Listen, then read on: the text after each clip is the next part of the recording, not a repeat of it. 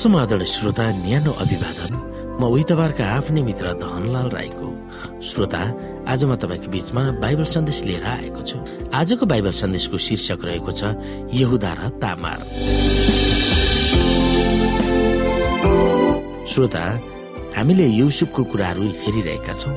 यस परिवेशमा तामारको कथा उल्लेख गरिएको उपयुक्त नै मान्नु पर्दछ यो घटना युसुफलाई मिश्रीहरूको हातमा बेचेपछि को हो आफ्ना दाजुभाइहरूसँग नमिलेकै कारणले यहुदा तिनीहरूलाई छोडेको देखिन्छ।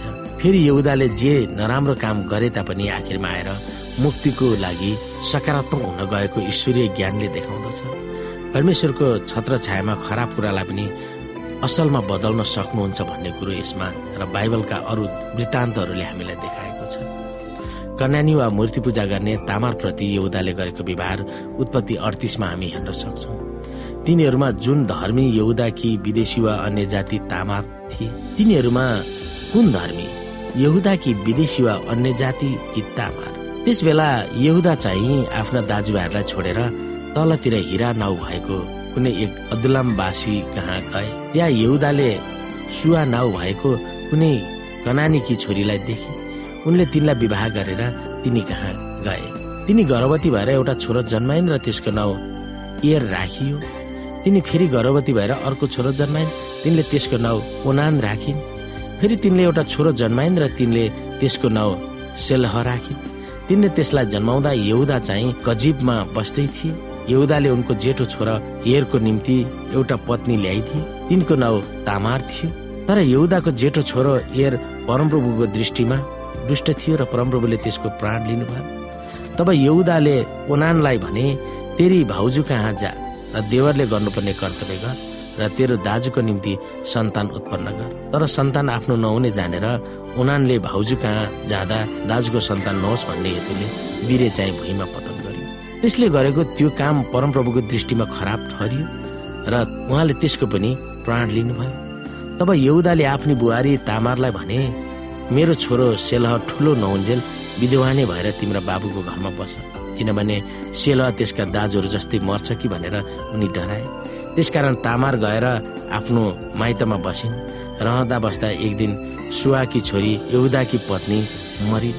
शोक गर्ने समय बितिसकेपछि यहुदा उनका मित्र अब्दुल्लामवासी हिरालाई साथमा लिएर तिम्नामा उनका भेडा कत्रनीहरू कहाँ गए। ससुरा भेडा कत्रनलाई तिम्नामा जाँदैछन् भन्ने खबर तामारले पाएर विधवाको लुगा फुकाले कुम्टो हालेर भेष परिवर्तन गरी तिम्नाको बाटोमा भएको एनएम सहरको ढोकामा बसिन्।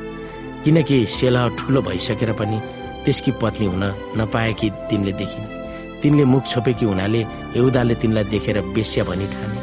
सडकको किनारमा गएर उनले तिनलाई भने लो मलाई तिमी कहाँ आउन देऊ? किनभने आफ्नै बुहारी हो भने उनलाई थाहा थिएन। तिनले भनिन् तपाईँ म कहाँ आउनुहुन्छ भने मलाई के दिनुहुन्छ? उनले जवाफ दिए बगालबाट म तिमीलाई एउटा पाठो दिनेछु। तिनले भनिन् तपाईँले त्यो नपठाउन्जेल मसँग केही चिज बन्दकी राख्नुहुन्छ कि? यहुदाले भने म के बन्दकी राखौँ? तिनले भनिन् तपाईँको छाप र त्यसको डोरी र तपाईँको हातको यो लट्ठी राखे हुन्छ। यसैले यहुदाले तिनलाई ती चिजहरू दिएर तिनीसँग सहवास गरे। अनि उनीबाट तिनी गर्भवती भइन्। तब तिनी उठेर गइहालिन् र घुम्टो फुकालेर फेरि विधवाको लुगा लगाइन्।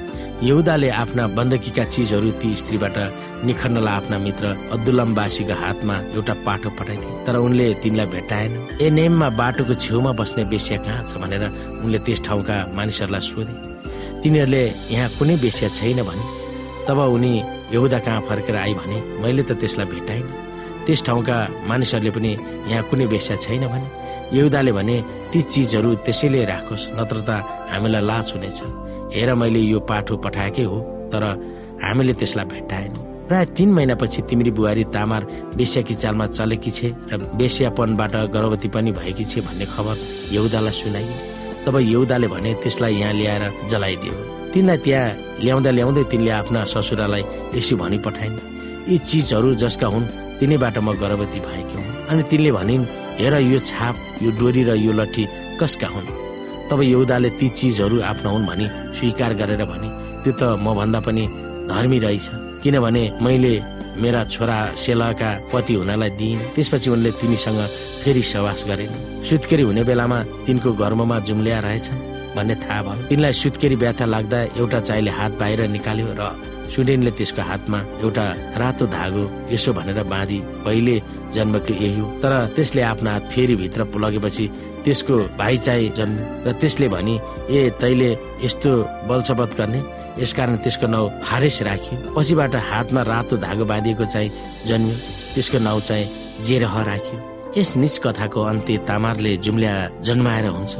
उनको घरबाट निस्किएको पहिलो छोरो पेरेज भनेर नाउँ दिन्छ। त्यसको अर्थ भाँचेर वा जबरजस्ती आउनु जसरी याकुब पनि आफ्नो दाजु एसाबको खुट्टा तानेर जन्मेका थिए। याकुब पछि जन्मेको भए तापनि जेठो छोरो हुन पुगेको थियो। वा जेठो छोरोको अधिकार लिएका थिए। दोस्रो छोरो जेरह रातो धागो बाँधेर निस्केको थियो। जेरहको अर्थ थियो मुक्ति। यो नै दाउद राजाको पुर्खा हुन पुगेको थियो। अन्तमा आएर यसु ख्रिस्ट त्यही घरानामा जन्मिनु भएको थियो। यसुको वंशावलीमा तामार पहिलो स्त्री थिइन्। पछि राहा रुत र युरियाकी श्रीमती यसुको वंशावलीमा अर्को स्त्रीको नाउँ पनि जोडिएको छ। त्यो हो मरियम जो यसुको आमा हुन पुगिन् एउटा पाठ हामीले यस कथाबाट सिक्न सक्छौँ। जसरी आफ्नो अनुग्रहले तामारलाई उद्धार गर्नुभयो अर्थात् दुष्ट तत्त्वलाई असलमा परिवर्तन गर्नुभयो त्यसरी नै यसुको क्रुसद्वारा उहाँका जनहरूलाई पनि उद्धार गर्नुहुनेछ भन्ने कुरामा हामी ढुक्क हुन सक्छौँ। र युसुफकै मामिलामा हामी हेऱ्यौँ भने उनका समस्या वा दुःख कष्टलाई याकुब र उनका छोराहरूलाई उद्धार गर्ने परिस्थिति परमेश्वरले सिर्जना गर्नुभएको थियो। श्रोता आजको लागि बाइबल सन्देश यति नै। अर्को प्रस्तुतिमा पुनः भेटिने बाचासहित म उही तपाईँहरूको आफ्नै मित्र धनलाल बिदा हुन्छु। हस्त नमस्ते जय मसिंह।